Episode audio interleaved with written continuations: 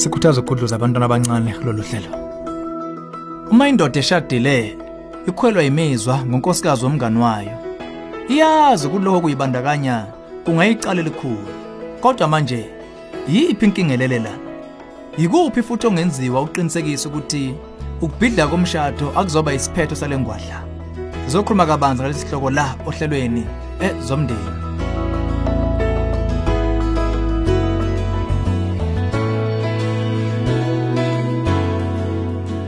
Akubingelele ezomndeni uhlelo kulethela izeluleko eziphathekayo ngaba ka focus on the family.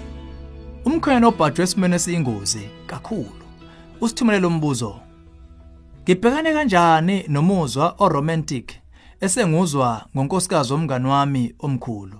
Nalo wesifazane sanda kubona komnye nomunye ukuthi sinokuhukekelana ukuthi sesidinga ukwakhe udongo ukuze sivikele imishado yethu. Kodwa sazi kwenze kanjani lokho?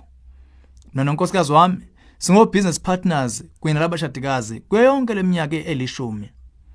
Kukhona engakuphakamisa isisombululo enkingeni yakho siqondile ngqo. Nobabili nidinga umuntu ozoneluleka abe ngowesithathu. Umeluleki kumbe nikhuleka naye obulili bunye. Eningakhuluma nithandaza ngalesimo ngobuqotho obuyisifuba nokho. Lo meluleki kumele abe likholo eliqotho okukholwa amaqiniso eBhayibheli nezimiso zalo.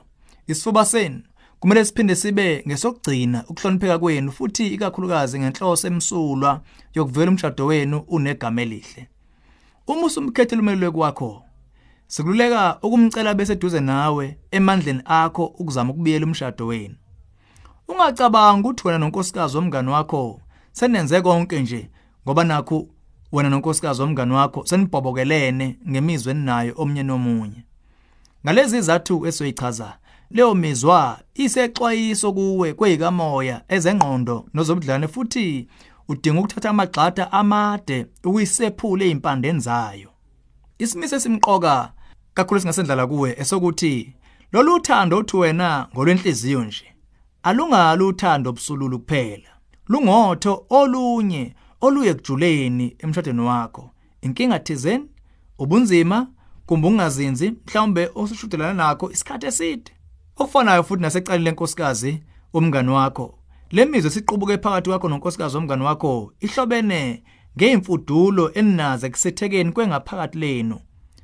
Umsebenzi wakho wokuqala ukubhekana ngqo nalezo zimo zomshado. Ilapho ke oyobusukwazi ukubhekana nalenkungu yemizwa enhliziyo ekugubuzelela ukuba sebudlaneni nabanye abantu. Konke lokhu kungenza kangcono ngosizo lomeluleki oqeshelwe ezomshado. Kungasiza uqala uhambo uwedwa. Emva kokuba wena nomeluleki wakho senimbile eyinkingeni zengaphakathi lakho.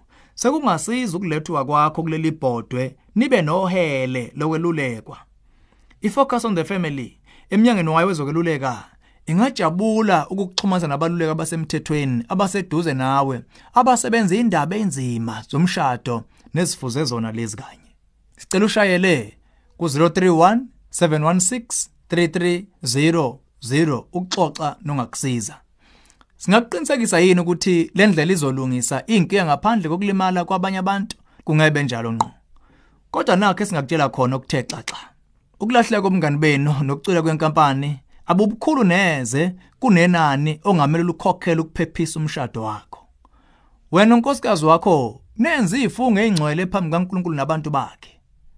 Okuseqhuni kuwe kumele kube yinqumo zifungo owayithathe altari wena mathupha noma ngabiza liphi inani. Ungasizwa ngandlebenye. Asisho ukuthi ukuxhuma nomngane wakho nonkosikazi wakhe abunto yalutho asisho futhi ukuthi izimo zomnotho zakho azilutho. Siqonda ukuthi eyimene ecinzelanayo kubiza wazi ukuthi yikuphi okusemqoka nakho konke okunye ongamele uyitotose kukho. Umthandazo wethu ukuthi usheshe ukuthatha isitebhisi sokuqala efinyeleleni esisombululweni ukuze usindise bonke abangangena kulomgede ongagcina uba ngamanhlembethwane. Lolu hlelo ezomndeni ulethulelwe yi-focus on the family sihlangabezwa ohlelweni oluzayo.